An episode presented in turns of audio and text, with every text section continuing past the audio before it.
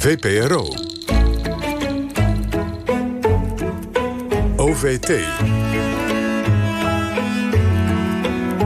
Over de onvoltooid verleden tijd. Met Paul van der Gaag en Jos Palm. Welkom bij OVT Uur 2, dat helemaal in het teken staat van Indonesië en het gemeenschappelijke verleden dat wij met dat land hebben. De gast zijn David van Rijbroek, van wie een week geleden het boek Revolutie verscheen. Van Martin Bossenbroek kwam een paar weken daarvoor De Wraak van Dipo Negoro uit. En het boek van onze derde gast, Lara Nuberg, is er nog niet. Dat komt op 18 december uit en is getiteld In Mijn Voetsporen. Ja, welkom alle drie. Uh, we gaan het zo over jullie boeken hebben en nog veel meer. Maar ik wil beginnen uh, met een fragment uit het archief... dat ongelooflijk belangrijk is geweest in die geschiedenis van Indonesië. Proclamatie. Kami, bangsa Indonesia... dengan ini menyatakan kemerdekaan Indonesia. Hal-hal yang mengenai pemindahan kekuasaan dan lain-lain diselenggarakan dengan cara saksama dan dalam tempo yang sesingkat-singkatnya. Jakarta, 17 Agustus 1945 atas nama bangsa Indonesia, Soekarno, Hatta. Ja, De luisteraars zullen het niet verstaan hebben. Jullie drie hier aan tafel uh, kennen ongetwijfeld voldoende ja. Bahasa om het wel te verstaan te hebben. Het was de hele verklaring. Uh, wie? Wie vertelt even wat hier nou, Het volk van Indonesië, wij het volk van Indonesië, verklaren ons hierbij onafhankelijk. En, uh, ja, dat is natuurlijk een, een breekpunt geweest in de, in de hele verhouding tussen Nederland en, en Indonesië. Ja, maar het is ook een, een, een uniek moment in de wereld, hè, David? Ja, het is uh, twee dagen na het eind van de Tweede Wereldoorlog, 17 augustus uh, 1945. Hij zegt nog 2605, want hij gebruikt nog de Japanse jaartelling. 17 augustus 5, zegt hij. Uh, maar het was het eerste land wat na de Tweede Wereldoorlog zijn onafhankelijkheid proclameerde. En niet zomaar een land, maar toch een van de grootste landen ter wereld. Toen al. Het is het op drie na grootste land ter wereld als je naar de bevolking kijkt. Dus het was bepaald historisch. Een voorbeeld ook voor vele andere landen. Het eerste domino-steentje dat viel in een hele lange reeks. Ja. Ja, en de stem die we hoorden was van Sukarno. Uh, Lara, jij bent van Indische afkomst. Uh, dat werkte destijds op de Indische Nederlanders als een rode lap op een stieren. Ja, um, nog steeds wel, denk ik, bij een ja. heleboel mensen. Maar ik denk ook dat we niet moeten onderschatten wat uh, de, de rol is geweest van koloniale propaganda en het zwart maken van Sukarno ook. Dus dat ligt heel gevoelig. Nog altijd. Ja, David, deze proclamatie was het startschot van revolutie. De titel waar de titel van jouw boek naar verwijst: de, de Indonesische onafhankelijkheidsoorlog. Um, je doet in je boek veel meer dan je die oorlog beschrijven. Wat uh, wat heb je precies willen doen? Altijd een fijne vraag. Wat heb je precies willen doen? Een zeer gezellige vraag op zondagmorgen. Ik heb geprobeerd die Indonesische onafhankelijkheidsstrijd te beschrijven een beetje in de diepte en in de breedte. In de diepte in die zin dat ik terug ga in de tijd uh, en me absoluut niet wou beperken tot de periode 1945-49, wat dan de klassieke jaren waren. Mm -hmm. Ik heb een lange aanloop genomen en ben, beginnen, ben begonnen bij Homo erectus en ben beginnen vertragen vanaf de jaren 20. Dus dit begin heb ik vrij snel behandeld. Maar ik vond van belang om die laatste decennia van de koloniale tijd goed in beeld te brengen. Want de onafhankelijkheidsstrijd is bevochten geweest door hele jonge mensen. Zeg maar mensen tussen de 15 en de 25. Dus hun kindertijd speelt zich af in de laatste jaren van die koloniale tijd. Die heb ik willen laten zien. Dus achteruit gaan in de tijd, in de diepte. Maar in de breedte bedoel ik dat ik het meer beschouw dan een conflict tussen Nederland en Indonesië. Ja. Ik vind dat we koloniale geschiedschrijving te veel aan het reduceren zijn tot een soort pingpongspelletje tussen kolonisator en gekoloniseerde. Ja. En uh, er is een internationale dynamiek die vaak wordt vergeten. En vandaar dat ik in mijn boek het woord revolutie slaat niet enkel op een grote verandering in Indonesië, maar een grote verandering op vlak van wereldgeschiedenis. De hele wereld. Goed. Ja, Martin, uh, die onafhankelijkheidsoorlog is, ja. is een van de twee oorlogen die jij ook met de lange aanloop daarnaartoe uh, in jouw boek centraal stelt. Mm -hmm. uh, jij doet het weer op een iets andere manier. Ja. Jij hebt voor beide oorlogen gekozen voor twee hoofdpersonen. De andere oorlog die jij trouwens pakt is de Java-oorlog. Hè? waarom heb jij precies die twee oorlogen gepakt? Hoe heb jij het Nou, gedaan? Ik heb van tevoren bedacht van dat er al heel veel geschreven is over juist die, die eindfase, hè, over de decolonisatie, de, de gewelddadige uiteengaan van de wegen. Maar dat er opvallend weinig geschreven is over het begin daarvan. En dat begin, dat moet je echt zien in de, het begin van de 19e eeuw, de Java-oorlog. Want voor die tijd was het, ja, je kunt zeggen, werd gesproken over Nederlands-Indië, maar dat, dat was er nog niet echt. Het was een verzameling, een losse verzameling handelsposten. En het is bijna, uh, je kunt bijna zeggen, het is echt pas aaneengesmeed na de Java-oorlog. En de Java-oorlog van 1825 tot 1830 was cruciaal voor het vestigen van het uh, Nederlands bewind over de, -hmm. over de Indische archipel. Eerst alleen over Java en geleidelijk aan ja. voortdurend met geweld. Ja, over de ja maar, rest dat van de heb, maar, maar, je hebt, waarom en- heb je gekozen voor die methode van eh, het, eh, twee keer twee hoofdpersonen? Oh ja, omdat ik denk dat de. Ik heb gekozen voor die personages die voor mij de verbindende schakel zijn tussen het microniveau, de mens en zijn persoonlijke overwegingen en zijn omgang met de geschiedenis, en het macroniveau. En het macroniveau is, dat David zei het terecht, dat is niet alleen het Nederlandse perspectief. En het Indonesische perspectief, dat is ook de internationale context. Eh, De Nederlands-Indië was er nooit geweest als bijvoorbeeld eh, Sir Stamford Raffles zijn zin had gekregen. eh, Die van 1811 tot 1816 daar de scepter zwaaide. Als het aan hem had gelegen, dan was het Brits gebleven. Want hij was verliefd op Java. Hè, eh, Raffles is ook een van de, de belangrijke bijfiguren in het... eh, Ja, in niet een van jouw vier hoofdpersonen, hè? even voor de goede duidelijkheid. Nee, het zijn vier hoofdpersonen met, in, hun- met hun hele historische entourage. En daar horen natuurlijk bijfiguren bij. Ik bedoel, de, wraak van Diepe Goro. Het is, het is allemaal gedocumenteerd. Kijk naar, kijk naar de, de, de noten en de literatuurverwijzingen. Maar het is opgezet als een soort van roman. Het is een verhaal. Het is het grote verhaal van de opkomst en de ondergang van dat bijzondere historische fenomeen Nederlands-Indië. Beleefd door markante sleutelfiguren. Die, ja, die met hun hele hebben en houden, met hun ziel en zaligheid geloofd hebben in idealen, eh, in ambities. En die daar ook ja, met al hun goede bedoelingen en kwade zin die je daar bezig ziet en ziet botsen. Van beide kanten. Nederlanders ja. en Indonesiërs En. Engelsen en Amerikanen en Japanners niet te vergeten. Want die spelen ook een rol. Goed. Eh, Lara, jouw boek tenslotte dan. eh, dat begint eh, ook met een soort historische tijdlijn... waar je eigenlijk ook die hele historie op een rijtje zet. Maar daarnaast staan in die tijdlijn ook veel persoonlijke dingen. En jij hebt een Indonesische mede-auteur... en in die zin heb jij ook de twee perspectieven in je boek gebracht. Ja, ja klopt. Eh, ik heb het boek geschreven met Lala Bohang. Zij is eh 35, eh, geboren in Makassar.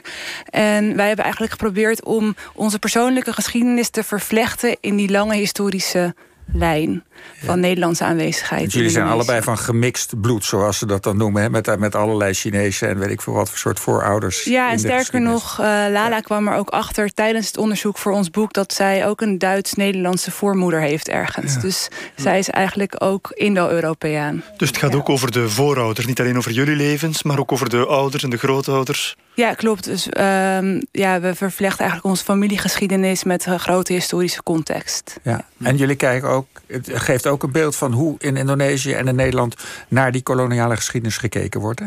Ja, en ook hoe het verder ging. Want, ehm, nou ja, als je net als ik een Indische achtergrond eh, heb, begint het verhaal natuurlijk in Nederland na de Indonesische onafhankelijkheid. En men kijkt niet zoveel naar wat vervolgens in Indonesië gebeurde. Eh, en door met Lala dit boek te schrijven, hebben we ook echt geprobeerd om aandacht te geven aan het moderne Indonesië. Dus Indonesië na 45. Eh, en hoe dat dus ook weer uiteindelijk ehm, ja, toch zijn wortels kent in dat kolonialisme. Hoe Indonesië vandaag de dag functioneert. Ja, Indonesië zou Indonesië niet zijn als Nederland niet precies die Precies, groep eilanden eh, had gekoloniseerd. Ja. Goed. eh, nou wordt er, als het over die koloniale geschiedenis gaat... bijna altijd eh, geroepen 350 jaar Nederlandse overheersingen. Maar dat moeten we eigenlijk nuanceren. Want Martin ze- zei het daarnet al, het begint eigenlijk... bij zeg maar begin eh 19e eeuw en dan eigenlijk echt bij die Java-oorlog. Eh, daar begint de inlijving van het eilandenrijk. Kunnen we dat zo zien, Martin?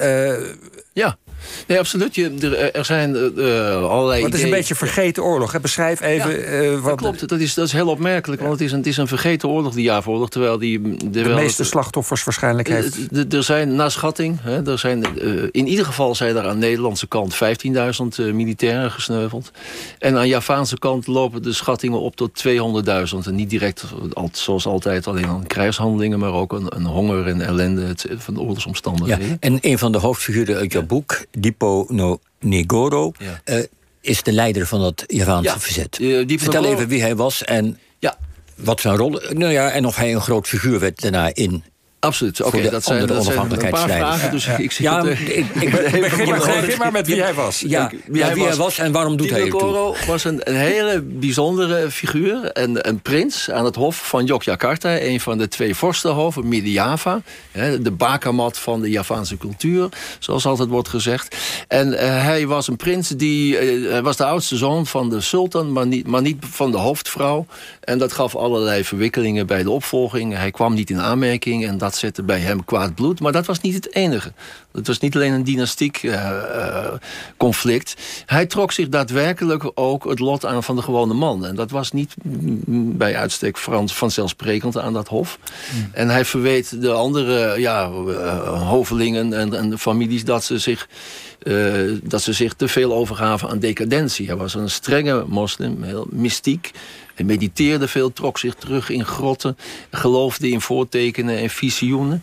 En hij, ja, hij wist dus de zowel uh, aristocratische medestanders als het gewone volk, als de islamitische geestelijkheid...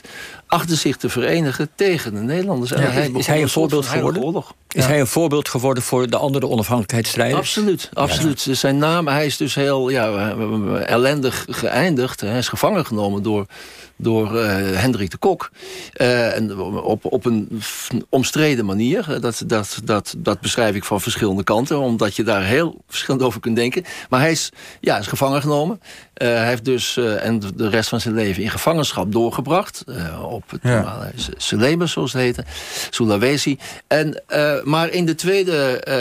ja, maar, maar we, tweede we, we, we, slaan, we, slaan een heel stuk over nu. Hè? Ja. Want hij is eigenlijk... Hij staat op, terwijl hij eigenlijk op dat moment geen sultan is. Nee. Eh, eh, voor het volk, uh, tegen de Nederlanders... die, ja. die zeg maar de, de hele grond en het hele gebied willen inlijven... en de macht willen overnemen. Nou ja. Dat, is, dat is een beetje... het hele grond willen inlijven, dat is, dat is een beetje... Het, is een, het is een ingewikkeld conflict, die Java-oorlog. Want het is ook een onderling conflict. Het is ook een soort van burgeroorlog. Want vergeet niet, het andere vorstendom...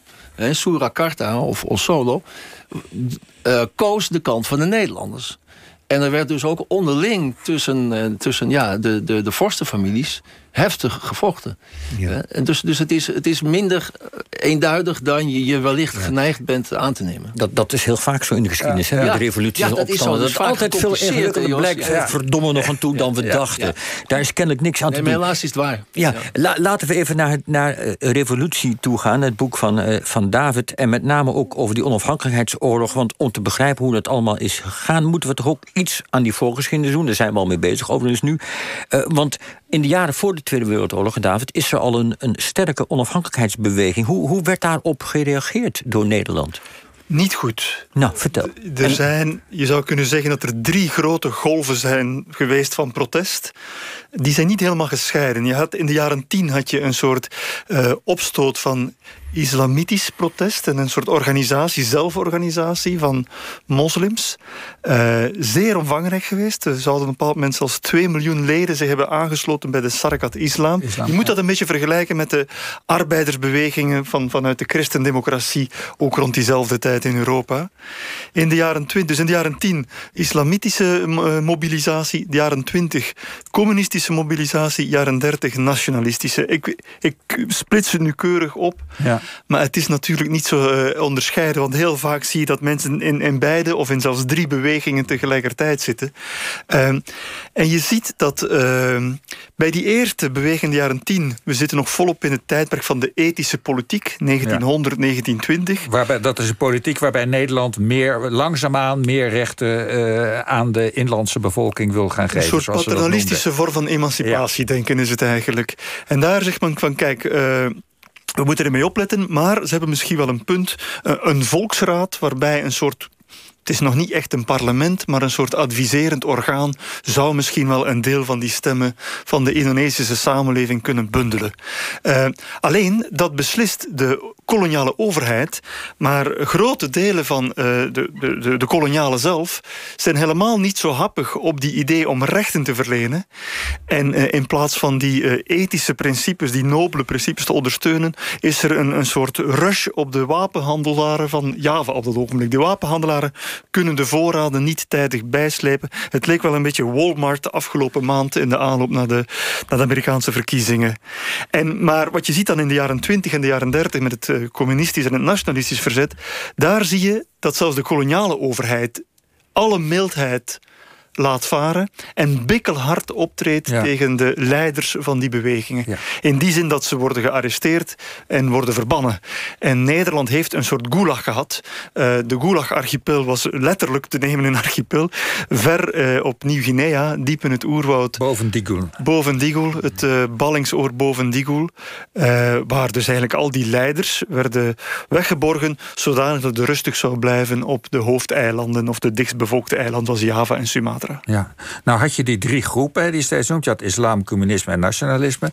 Uh, Sukarno was ook voor uh, de oorlog en Japanse bezetting al iemand die die drie stromingen bij elkaar wilde brengen. Hè? Precies, en aanvankelijk zijn ze ook altijd met elkaar verwant geweest. Sukarno als 15-jarig jongetje groeit op in het pension van Chokra in Surabaya. Dus... Chokra was de grote leider van de Sarakat Islam, die islamitische beweging. Maar over de vloer en bij de avondmaaltijden uh, komt daar iedereen komt daar een beetje over de vloer. Mensen die meer links aangehoord zijn, uh, mensen die meer nationalistisch denken zoals hij. Maar dat vloeit allemaal in elkaar over. En Sukarno heeft eigenlijk zijn hele politieke project was om weer samen te brengen wat daar aan de tafel samen aanschoof. Hij heeft eigenlijk geprobeerd een synthese te smeden, al in de nou, eigenlijk vrij vroeg, uh, al in de jaren 30, maar ook later, na de onafhankelijkheid, een synthese tussen islam, uh, communisme dat is een groot woord voor te zeggen, een soort links-progressieve beweging. En nationalisme. Dat is zijn grote politieke project geweest. Ja. En dat is het project van de Indonesische staat tot op de dag van vandaag. Maar je ziet nog altijd dat er spanning zit op die verhouding. De politieke islam probeert nu aan macht te winnen. Wat links is, is sinds de jaren, jaren 60 al flink teruggeschoven. Maar die spanningen tussen die drie bloedgroepen is nog ja. altijd aanwezig. Maar toch, eh, zelfs ook de nationalistische groepen en anticommunistische groepen, zelfs Suharto, hebben toch die Panchasila uh, altijd lippendiensten hebben ze blijven bewijzen. Uh, al die stromen bij elkaar willen houden. Panchasila was de naam die Sukarno ja. gaf aan zijn eenheidsfilosofie. Ja. betekent letterlijk de vijf zuilen, zijn een aantal mm -hmm. principes. Maar waarbij dus die, die drie grote stromingen worden samengebracht. Maar alle leiders van Indonesië... Dat blijft een soort staatsideologie. die elke, elke 14-jarige in Jakarta kon u precies vertellen... wat de Panchasila is en waarom die van belang is om het land samen te houden. Maar goed, uh, er is dus Er is veel reuring. Nederland reageert daar heel massief op en zonder enig begrip in de jaren voor de oorlog. En dan krijgen we de bezetting van de Japanners, die door veel Indonesiërs als een bevrijding wordt ervaren. Mm. Hoe cruciaal is dat moment? Hoe, hoe, ik, ik, ik kijk naar Martin, ik ja. kijk naar, maar ik kan ook naar Lara vragen, ik kan het iedereen vragen. Nou, hoe cruciaal is dat moment? De bezetting van, van de. de, en, de ja. Nou ja, de, de, de, de, leiders van al die bewegingen waar David het net over had, die zaten vast. Die werden letterlijk bevrijd door de Japanners. Ja, die konden in mooie huizen gaan wonen met auto's rondrijden. Ja, de, de Japanse bezetting is door, door veel Indonesiërs, uh, zowel de leiders als door de bevolking, uh, met gejuich ontvangen. Ja. aanvankelijk, daar, daar, is, daar, is, daar, daar kun je absoluut uh, niet ontkennen. Het is alleen geleidelijk aan is dat enthousiasme wel bekoeld omdat de Japanners zich van bevrijders geleidelijk aan steeds meer zijn gedragen als bezetters en als exploitanten van, al, ja, van, van de rijkdommen die uh, de archipel bezat. En met name van de werkkrachten die daar voorhanden waren. Hè. Maar het, het besef, het kan. Ja. ja. De, de witte blanke man Absoluut. kan zijn macht verliezen. Kijk ook even naar Lara. Dat, dat ja. brak toen toch voor ja. altijd definitief doornemen. Ja. dat is in Nederland niet, niet beseft. Dat is dat, dat ja. psychologisch. En ik denk ook dat het inderdaad gewoon een hele mentale omslag uh, heeft veroorzaakt. Zowel onder de, de plaatselijke oorspronkelijke bevolking van Indonesië, maar ook bij die gemengde bevolkingsgroep die toch altijd had geleerd om op te kijken tegen alles wat Nederlands was. Mhm. Terwijl het uh, knil was binnen een paar dagen uh, verslagen. en, uh, de, nee, en de hele archipel was ingenomen. Dus dat heeft ook denk ik een, aan het zelfvertrouwen uh, van die witte laag. En de mensen die er tegenop keken toch wel een enorme knauw veroorzaakt. Ja, ze zagen die mensen vooral heel hard weglopen voor de Japanners. Ik heb in, in, Japan heb ik de weduwe van Sukarno kunnen interviewen. Is, is ooit met een Japanse, vrouw, Davy, Davy Sukarno. En die zei ook, het is toch heel simpel. Nederlanders hebben Sukarno in de gevangenis gegooid. De Japanners hebben hem eruit gehaald. Ja. Zo simpel was het. Ja. En, ik, sprak, ik sprak ook met een Japanse veteraan. Uh, stokoud, was 101. En die zei, maar wij werden met open armen ontvangen... toen wij aan land gingen op Java. Uh, de, de vrouwen kwamen ons manden met, uh, met papaya's en ananassen brengen... omdat ze bevrijd werden door ons. Ja, goed, maar dat enthousiasme wordt in de loop van de jaren minder groot. Ook bij mensen als Sukarno en zo. Omdat de Japanners in het begin beloven onafhankelijkheid... geven dat wel aan andere landen als de Filipijnen... maar niet aan de Indonesiërs. Uh, volgens mij is een volgend cruciaal moment dan dat uh, de bevrijding van Indonesië een bevrijding eigenlijk is zonder bevrijders. En dat op dat moment de Indonesiërs uh, de zaak zelf in de hand hebben. Uh, en die zien dan, als er dan troepen komen, de Engelsen, die zien ze helemaal niet meer als bevrijders. Ja, precies. Het is een hele rare bevrijding geweest. De bedoeling was dat de Amerikanen in hun opmars vanuit Nieuw-Guinea, vanuit uh, zeg maar de, de Pacific richting Japan, dat ze in één beweging mee Indonesië zouden gaan bevrijden. Maar het ging ineens zo snel. Ja, Japan capituleert en ze waren er nog niet. Nou, MacArthur heeft letterlijk besloten om Java links te laten liggen. Die is doorgestoten meteen naar de Filipijnen en Japan. Uh, en dus ineens was Japan was verslagen. Maar anders dan uh, in Europa, er waren geen Canadezen die op tanks zaten en kauwgom en chocolade uitstrooien. Er waren geen Amerikanen Amerikanen die gingen dansen met Hollandse of Belgische meisjes. Het was niet echt een bevrijder. En op dat moment roept Sukarno de onafhankelijkheid uit. Daartoe gemotiveerd, bijna gedwongen, door, door tieners die snakken naar het eind van eender welke bezetting, of het nu Nederlands of Japans is. En dan, uh, nou, iedereen is wat stom verbaasd. Wat is daar nu gebeurd? Een onafhankelijkheidsverklaring. Er waren nog geen twintig mensen bij. Het zou wel een grap van de Japanners geweest zijn. Moeten we niet veel belang aan hechten.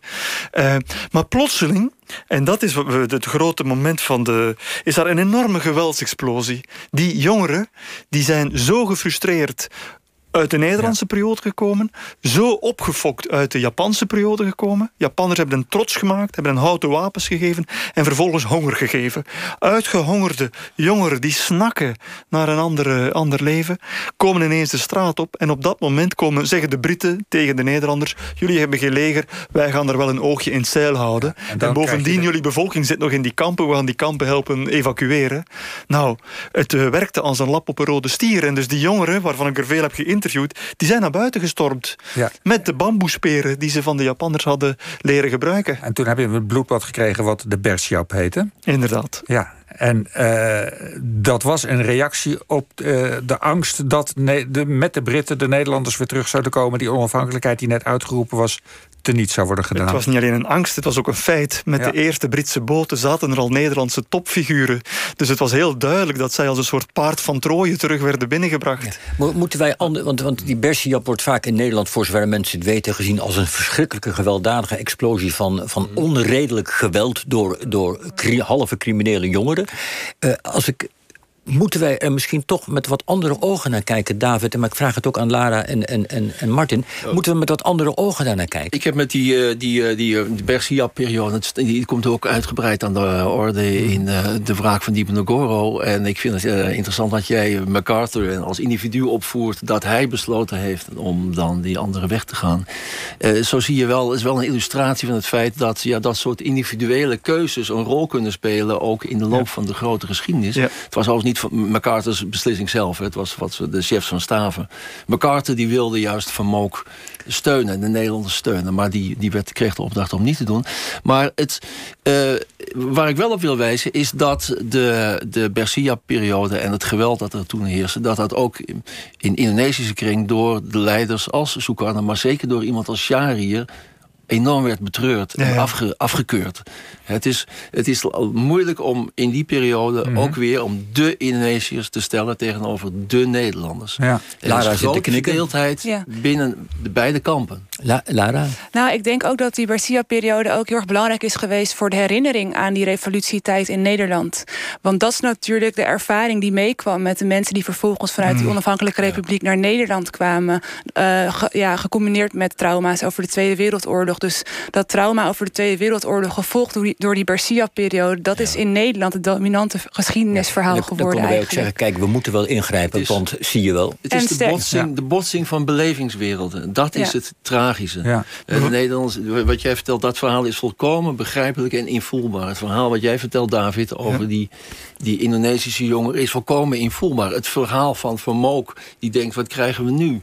He? Sukarno die heeft gehuld met de fascisten, met de Japanners... die de Engelsen en de Amerikanen voor alles, alles wat vies en lelijk is... heeft uitgemaakt over de radio. Moet ik daarmee gaan praten?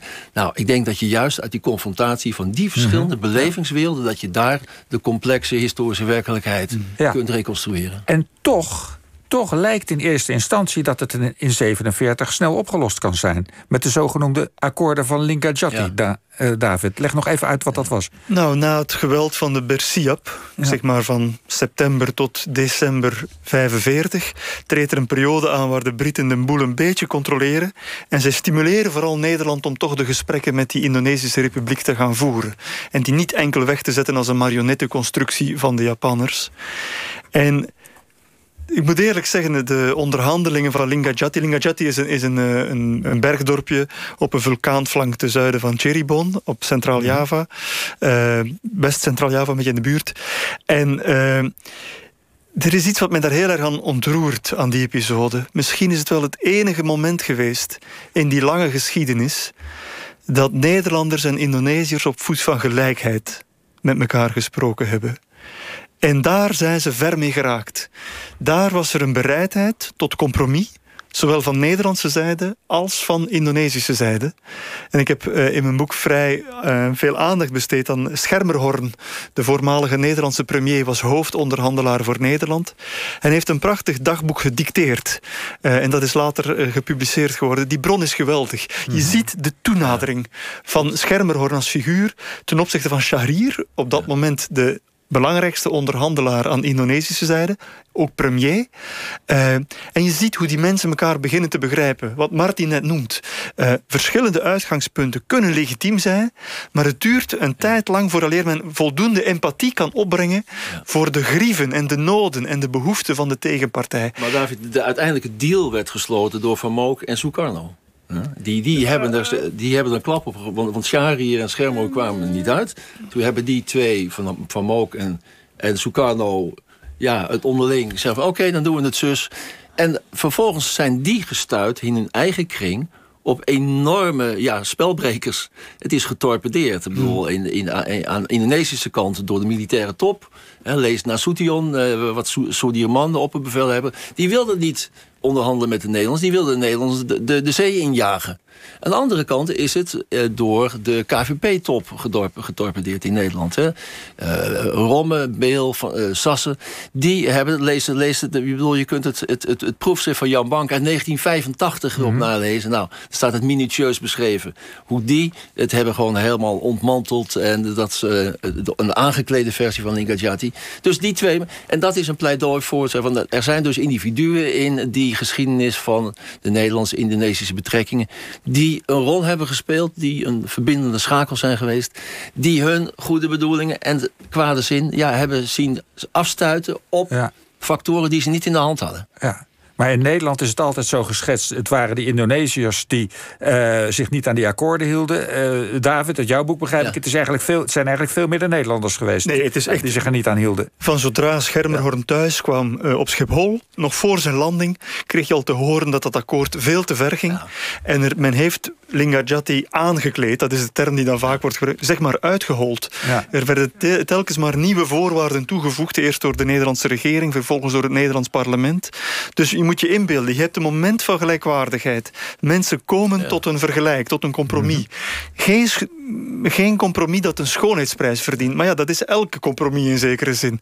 Uh, het was een leefbare oplossing geweest. Misschien geen eindstation, maar wel een tussenstation. Mhm. Had Nederland op dat moment Lingajati gerespecteerd, dan was er geen oorlog gekomen met 200.000 doden. En ging er ook geen vluchtelingengolf gekomen zijn van 300.000 mensen die naar Nederland zijn overgekomen. Dus Lingajati had eigenlijk de redding kunnen betekenen. Of althans een stapsteen naar een vreedzame oplossing. Maar het is aan Nederlandse zijde geweest dat men het heeft uitgehold. Goed. Ik vind het trouwens ook wel interessant dat, wij, ja, dat die onderhandelingen worden toch wel ook geschetst als een soort van neutrale gebeurtenis. Van we hebben twee partijen die gaan onderhandelen. Maar ik vind toch dat er ook, uh, zelfs in dit gesprek, toch wel vaak wordt vergeten te benoemen dat Nederland zat daar natuurlijk ja, was geen legitieme aanwezigheid uiteindelijk. Precies. En ik zou het toch wel prettig vinden als dat wat vaker wordt benoemd. En dat ook het economische aspect van Nederlandse aanwezigheid daar, dat was het belangrijkste voor de mhm. Nederlandse zijde. Terwijl de Indonesiërs opkwamen voor hun vrijheid. Absoluut. Dat wilde ik nog even benoemen. Helemaal terecht. Helemaal terecht. De, de, Nederlanders benoemden dat zelf eigenlijk ook. Hè? Want die eerste politionele actie, zoals ze dat noemden, dat eerste legeringrijpen, heette ook Operatie Product. Wel, zelden is een militaire campagne zo eerlijk benoemd geweest. Goed.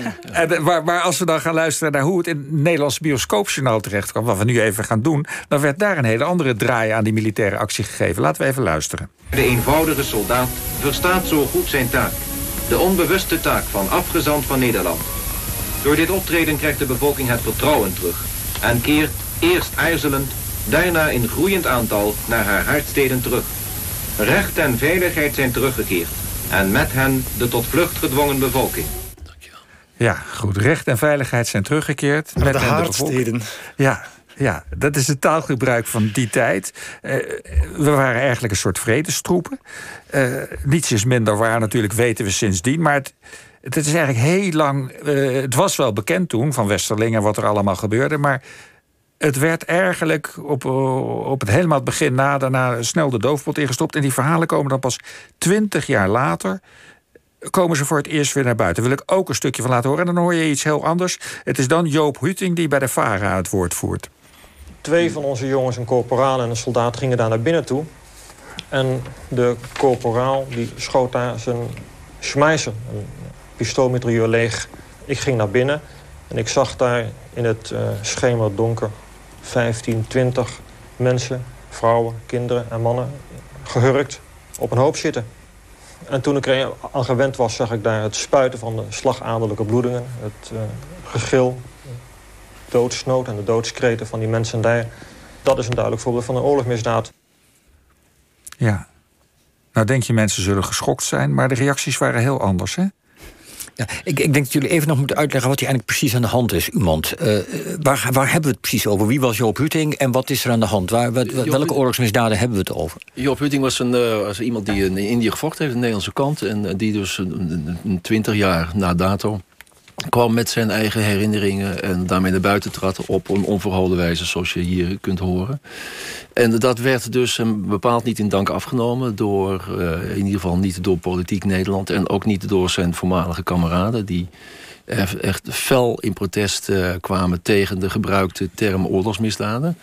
En ja, wat er vervolgens gebeurd is, is dat er een enorm verdringingsmechanisme op gang is gekomen in de Nederlandse samenleving. Zoals het ook gewerkt heeft ten aanzien van de Tweede Wereldoorlog en de vervolging van de Joden. Uh, dat is decennia lang heeft het de Nederlandse samenleving moeite gekost om exact onder ogen te zien wat er in die periode, die eh, de, eh, de, de jaren 40 is gebeurd. En de rol die Nederland en Nederlanders daarbij mhm. hebben gespeeld. Ook de kwalijke rol die sommige Nederlanders daarbij gespeeld hebben. En dat is, uh, daarna is dat wel opgepikt. Hè. Je krijgt natuurlijk wel de, de, de boeken, de vijf Indische delen van Loen Jong. Ja, werd ook heftig op gereageerd. werd ook heftig op gereageerd. Ook, daar is nog, ik, ik, kan me nog herinneren dat daar toen ook sprake was van... dat het gebruik van de, de term oorlogsmisdaden in zou komen. En dat Onder andere Kees Verseur toen heeft gezegd... Van, ja, dat zou moeten, want de, de, de schrijver... De historicus Kees Verseur, ja. Ja. ja. En dat dat toen toch ja, weer geweken is voor de druk voor, voor ja, ons Laten we even teruggaan naar het moment van Joop Hutting... want dat was waar we het over hadden. Het ging even om neer te zetten wat, wie hij was. Nou, dat is duidelijk gebeurd nu. Uh, David, als ik het goed begrijp... speelt hij ook een rol in jouw boek... en ben jij ook zijn archief gaan opzoeken? Of heb jij brieven aan hem gezien toen hij dit had eh, gezegd op de VARA? Ik heb hem meermaals geïnterviewd uh, de laatste jaren van zijn leven. Ik heb ook op zijn begrafenis gesproken. Het is een man die erge indruk op mij heeft gemaakt. Uh, omwille van de moed die hij had gehad om dit aan te kaarten. Hij had een groot archief. Uh, en in dat archief vond ik onder meer de dreigbrieven die hij had ontvangen. nadat hij op de VARA had, in 69 had gesproken over de oorlogsmisdaden die hij had gezien en meegemaakt. En die waren er niet naast. Wie, wie mhm. denkt dat scheldproza maar iets is wat met de sociale media is begonnen, moet maar eens in het archief van Joop Hutting duiken. Hij werd ook echt letterlijk met de dood bedreigd. Oh ja, hij werd letterlijk even moeten onderduiken. Hij was eh, op dat ogenblik, hij was hoogleraar in Brussel, hij was psycholoog, maar op dat ogenblik heeft hij op de Veluwe moeten onderduiken en de Telegraaf achterhaalde waar hij zat. Er was een soort strijd tussen de VARA en de Telegraaf. Dat waren de mhm. twee, zeg maar, uh, polen van de Nederlandse politieke beeldvorming in die tijd. En de Telegraaf zei van, je geeft ons een interview of we verklappen, we, verklappen, we zetten op de voorpagina waar je zit. Dus het, uh, het, het was bepaald... Uh, dat soort stukken kwam je ook allemaal tegen in dat archief? Ja, hij heeft het mij ook verteld. En in dat archief vond ik erg, erg interessant materiaal. Dat archief was omvangrijk. Ik heb er toen een, een aantal kisten mogen meenemen, tijdelijk ik zat toen op een hotelkamer in Amsterdam. Ik heb eh, daar een paar dagen lang eh, door dat materiaal zitten bekijken. En dan heb ik het, uh, het teruggebracht. Maar het was heel erg de moeite waard om dat te bekijken. Je hebt het teruggebracht. Waar is het nu, dat archief? Het is nu bij een van uh, de dochters. En ik heb begrepen dat er nu een overeenkomst is. Het zal naar het INMH gaan. Dus het Nederlands Instituut voor Militaire hmm. Historiografie. Ja. Oké, want ik begreep uit jouw boek nog dat, uh, dat het NIOT er niet in geïnteresseerd was... en dat het lag te verstoffen ergens. Ja, het was een hele, hele pijnlijk moment, denk ik. denk de, de, NIOT heeft ooit iemand daarheen gestuurd... die de waarde ervan uh, niet heeft kunnen inschatten. En ze blijkbaar dacht het over de jappenkampen ging... en dat was het niet, dus het mhm. was minder interessant. Ik denk dat dat nu ja. al wordt gezien als een fout. Je vraagt je toch af wie ze daar dan naartoe gestuurd hebben. Naam en rugnummer. Dat, dat de conciërge of zo. Ik, ik weet het ook Daar gaan we, gaan, we, gaan we het niet helemaal hebben. Lara, even nog naar jou. Want ik hoor net Martin zeggen... het duurde heel lang voor Nederland het onder ogen wilde zien... wat voor misdaden er waren begaan. Uh, hoe kijk jij daarnaar? Uh, heeft dat ook te maken met een grote Indische gemeenschap, vluchtelingen die eigenlijk dit ook niet willen weten? Hoe, vertel eens, hoe kijk jij hiernaar? Nou ja, eigenlijk is weer hetzelfde het geval als met die Bersiap. Um, het, het, verhaal wat met migranten vanuit voormalige kolonie naar Nederland is gekomen, is met name een pro-Europees verhaal. Dus ook de Nederlandse militairen die toen uh, aankwamen in Indonesië, die werden door de Europeanen zeker wel onthaald als bevrijders. Mm -hmm. uh, zo ook bijvoorbeeld door de familie van mijn oma. Uh, dus die Nederlandse soldaten vonden met name bij Indo-Europese gezinnen juist een warm bad waar ze even konden bijkomen hmm. van uh, nou ja, het patrouille lopen en de gebiedsuitbreiding die ze als soldaten, uh, ja, waar ja. hun dagelijks leven als soldaat uit bestond. Er waren natuurlijk ook veel Indische soldaten, ook bij het KNIL bijvoorbeeld. Dus ja, dat wil natuurlijk ook mee. Ja. Um, Men zag zichzelf dus, meer als slachtoffer dan als dader. Ja, en ik denk ook dat het perspectief van heel veel Indische Nederlanders op de Nederlandse militairen op, op zich altijd heel positief is geweest. Van die mensen kwamen hun bevrijden. Want vanuit hun mhm. perspectief was de Nederlandse koloniale aanwezigheid wel iets wat ze nog altijd nastreefden. Uh, dus vanuit die groep is weinig kritiek gekomen op uh, de Nederlandse militairen. En ik denk ook dat heel veel Indo-Europeanen dat niet eens hebben gezien wat zich afspeelde in die guerrilla-strijd. Dus dat is ook weer ja, ook het niet weten eigenlijk. En hoe is dat dan voor jouw generatie? Want uh, jullie staan daar verder van af. Hoe kijken jullie ernaar? Eh, ben je dan in debat met je, met je ouders en, je, en, je, en, je, en, en degene die daarvoor je, je, grootouders als waren? Hoe, hoe kijken jullie daarnaar? Ja, met mijn ouders niet. Want uh, ja, ik denk, ik denk dat over het algemeen de tweede generatie dat gesprek ook niet per se heeft gevoerd met hun ouders. Ik wil niet per se generaliseren, maar ik denk wel echt over het algemeen dat er niet echt over gesproken is.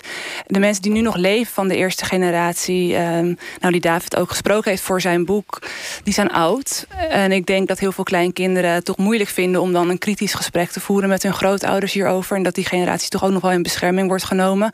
En dat vind ik ook terecht hoor, want dit zijn mensen met oorlogstrauma's en vervolgens mhm. een trauma van een nieuw leven moeten beginnen in een naoorlogs Nederland waar men ook niet op ze zat te wachten. Dus ik denk dat het kritisch kijken naar het verleden en echt vragen stellen over, nou, aan welke kant stond mijn familie nou eigenlijk en wat betekent dat? Dat dat veel meer een gesprek is wat nu onder de derde generatie op gang komt, binnen de derde generatie met de tweede generatie. Maar ik. Ja, want dat, dat doe jij wel. Dat, dat beeld wat heel lang geheerst heeft van Tempo Dulu en Tante Lien en zo gezellig. Ja. Uh, dat is niet jouw beeld.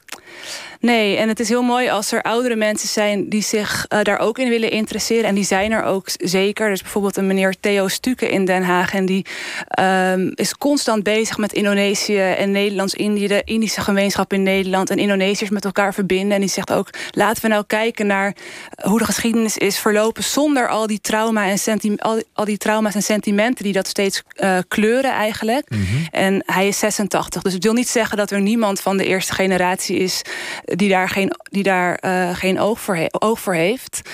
Maar hij is wel een uitzondering, bijvoorbeeld. En het zou mooi zijn als het gesprek groter en breder kan worden gevoerd. Maar ik denk ook dat je op een gegeven moment moet zeggen dat we mensen in hun waarde moeten laten mm. rondom hun eigen ervaringen. En dan vervolgens met de nieuwe generaties kijken hoe we in de toekomst over dit verleden praten. Ja. ja. Ja, dat, dat, dat, dat is wat ik ook geprobeerd heb in, in de braak van Diepen Goro... Om, om te treden in de belevingswereld van de mensen van toen. Hm. Hoe verschillend en tegenovergesteld die ook waren op dat moment. Maar ja, onze blik is een andere. Maar je laat die, die mensen, de, die historische personen... laat je het beste in hun waarde door je in te leven in hun tijd in hun afwegingen, in hun angsten, hm. ja. hun idealen. En die afwegingen van die mensen die daar zaten, eh, in hoeverre waren die anders dan de afwegingen die Nederland maakte. Want eh, we kwamen er net uh, alweer dat, dat economie ontzettend belangrijk was, uh, actieproduct. er komt uiteindelijk komt er wel een, een soevereiniteitsmede-overdracht, mede onder druk van Amerika. en dan, dan lees ik bij, in jouw boek, David, dat, dat Nederland dat eigenlijk misschien ook wel vanwege economische reden heeft gedaan. En dat ze dachten, misschien is het nu wel verstandig om er afstand van te doen. Dat, dat afstand doen eigenlijk uh, dezelfde motivatie achter zat... als een paar honderd jaar eerder de bezetting. Financiële overwegingen hebben in elke fase een cruciale rol gespeeld. Uh, om er aanvankelijk heen te trekken vanaf 1600. Het was interessanter om zelf rechtstreeks mhm. nootmuskaat en kruidnagel in te kopen. Financiële overwegingen lagen ook aan de basis van de eerste politionele actie, Operatie Product. Mhm. De heropbouw van Nederland kon gefinancierd worden indien de staatskas gespekt werd met de inkomsten van de plantagelandbouw op Indonesië. En het uiteindelijke loslaten in 1949 was financieel voor Nederland voordeliger. Men heeft lang gedacht, uh, in uh, Indië verloren rampspoed geboren. En ineens heeft iemand het rekensommetje gemaakt van... wacht eens, als wij dit land blijven bezetten... dan moeten we ook de wederopbouw van dit land financieren... bovenop die van Nederland zelf. Uh, dan missen we wellicht ook de Marshallhulp van Amerika... en de NATO-hulp van Amerika. Dan kunnen wij in Nederland nog steeds geen eigen leger opbouwen. Nederland had geen leger. Wat ze hadden aan leger zat op Indië. Dus de oostgrens lag open voor communistisch Rusland, bij wijze van spreken. En ze hadden ook nog eens een hele grote schadeloosstelling van Indonesië bedongen. En vervolgens uh, heeft men onderhandeld dat nou ja, Indonesië mocht dan vrij worden op voorwaarde dat daar even een flinke som voor betaald werd. En ik zeg in mijn boek, het is even cynisch als in de 19e eeuw slaven die vrij konden, zich vrij konden kopen. Ja. Met zijn grote schadeloosstelling voor uw eigenaar, uh, dan kon je de vrijheid voor Het is net dezelfde logica. Want om hoeveel ging het ook alweer? Wel, Drees wou 6,3 miljard. Uh, dat vonden Amerikanen. Uh, dus u moet je inbeelden. Hè. Sukarno kreeg de rekening gepresenteerd van zijn eigen gevangenschap. En de oorlog die je net had moeten ondergaan. En Drees' redenering was... ja, wij willen hier de, de sociale welvaartsstaat uitbouwen. Uh, als mensen van Drees moeten trekken... Dan, moet, nou, dan moeten ze eigenlijk van Sukarno trekken. Daar kwam het ongeveer op neer. en onder druk van Amerika is die 6,3 miljard verlaagd naar 4,3 miljard. Wat nog steeds een ongelooflijke grote som geld was. Wat is het omgerekend? Vandaag? Ja. Ik weet het niet. Ik heb het niet omgerekend. Ah.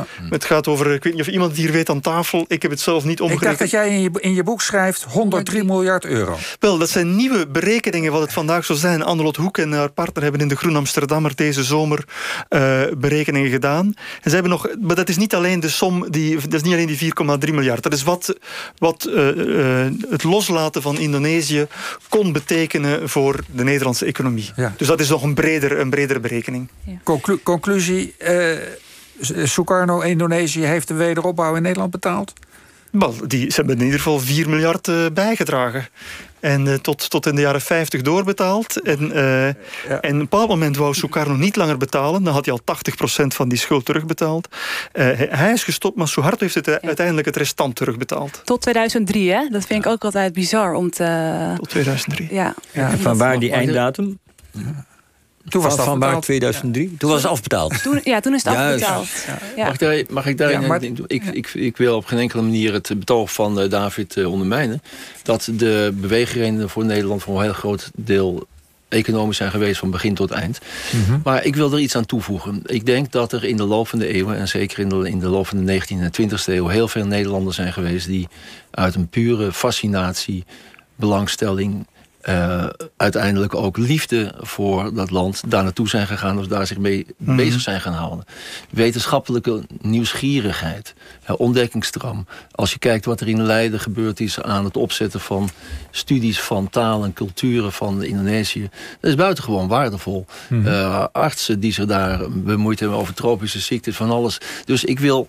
Natuurlijk, er is, ik heb in, in het promotiefilmpje voor de Vrijheid van Diepende Coro ook opgenomen in de Hortus gezegd, het ging om planten. Hè? Het ging om planten, die tropische planten die Nederland niet had en Indonesië wel. Maar er zitten twee kanten aan. Het is een goudmijn voor de handelaars en het is ook een paradijs voor de wetenschapper geweest. En die wetenschap is overgegaan in verbondenheid. De mensen die jij net noemde, vele daarvan, die zijn geboren in destijds Nederlands, in Indonesië. Die voelden, zich, die voelden dat als hun vaderland. Ja. Huh? En die werden, eruit, die werden hun vaderland uitgezet. Zo voelden zij dat. Ja, en ik heb maar- die verschillende belevingswerelden bij elkaar gezet. Ja. Ja. Het een sluit het ander niet uit. Nee. We zeiden net al, de geschiedenis is veel ingewikkelder dan we willen. Maar first things first. ja. Ja. Dus ik, ik, Dacht ik toch. Hoe, hoe bedoel je? We zijn daar niet uit liefdadigheid naartoe gegaan, bedoel Nee, ik dat, gewoon ik ook niet. Daarom, begon ik ook te zeggen dat het economisch gewin Maar ik, ik, ik, ik, wil, ik wil weer even terug, terug naar Indonesië en naar het belang. We, eigenlijk terug naar het begin. We lieten in het begin de proclamatie horen. eh, en we concludeerden toen dat dat eh, niet alleen voor Indonesië en Nederland een heel belangrijk moment was, maar voor de hele wereld.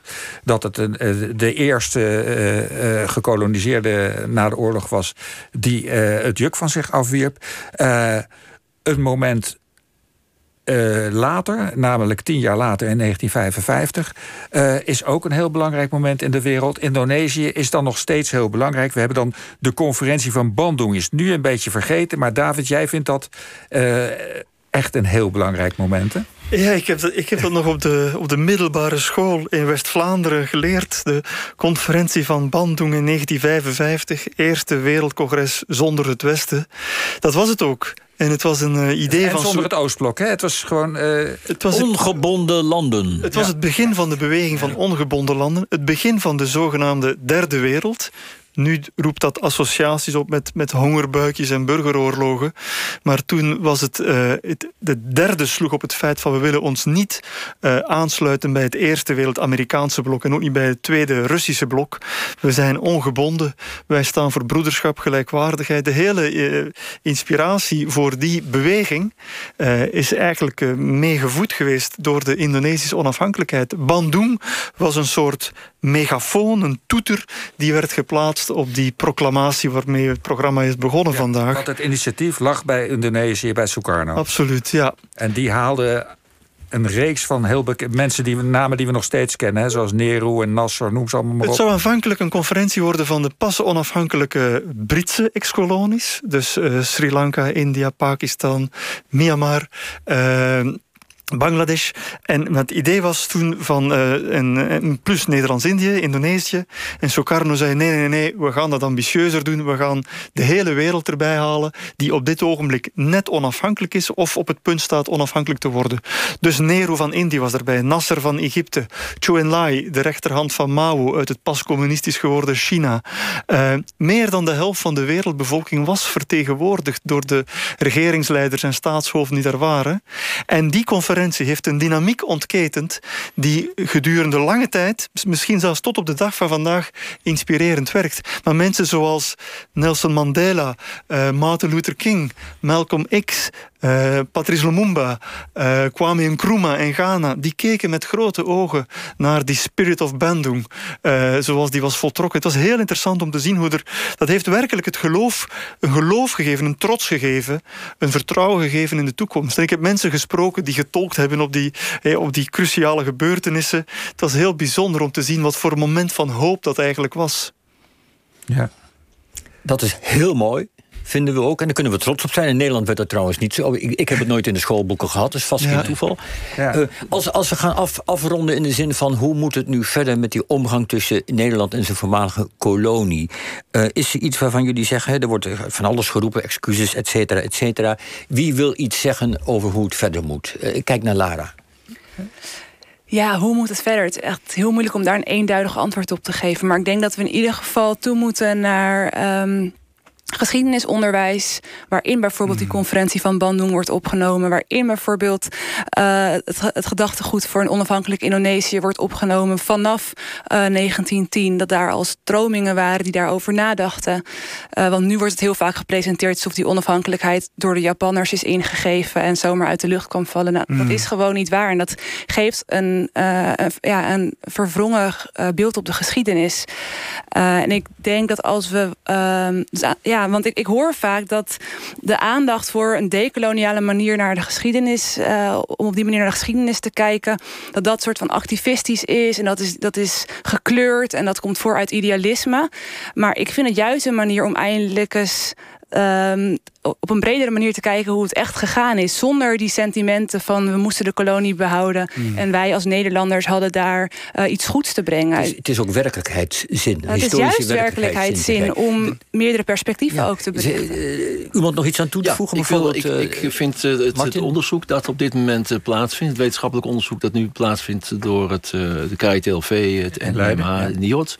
En dat in 2021 moet resulteren in een eindconclusie. Dat gaat specifiek over het geweld in de, in de decolonisatieoorlog. En ik, ik ben er zelf ook bij betrokken, zijdelings. Ik begeleid een, een, een promotieonderzoek naar het specifieke gebruik van technisch geweld. Dus uh, artillerie, bombardementen, et cetera. Heel belangrijk dat dat gebeurt. Ook heel belangrijk dat dat van twee kanten... dat er ook vanuit de Indonesische kant aan meegewerkt wordt. Hè. Uh, prima, dat is, dat, is, dat is nog niet veel eerder vertoond. Er is al heel veel onderzoek gedaan, maar vooral aan de Nederlandse kant. Maar dit, ook, ik zou zeggen, dat is uitstekend dat dat gebeurt. Uh, juich ik van harte toe. Uh, en ja, verder moet ik um, zeggen, dan onderschrijf ik jouw betoog... voor het, ja, het, het oog houden voor beide kanten. Ja, David, heb jij hier nog heel kort iets aan toe te voegen? Ik was verbijsterd toen er een jaar geleden een enquête verscheen van YouGov, Brits onderzoeksbureau, mm waaruit bleek dat Nederland met kop en schouders het land is met de sterkste trots op het koloniale verleden. 50% van Nederland is trots op het koloniale verleden. Een kwart van Nederland verlangt opnieuw naar een overzees rijk. Als je dat vergelijkt, die cijfers, die vragen werden ook gesteld in Engeland, Frankrijk, België, Duitsland, Japan.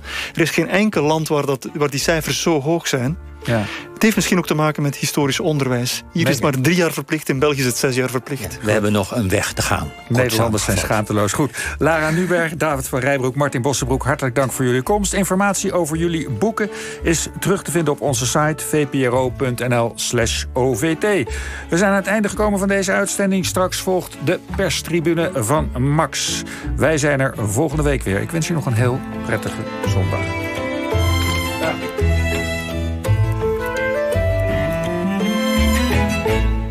Daarmee, geachte luisteraars, laat ik u over aan de verpozen die de radio u plicht te bieden.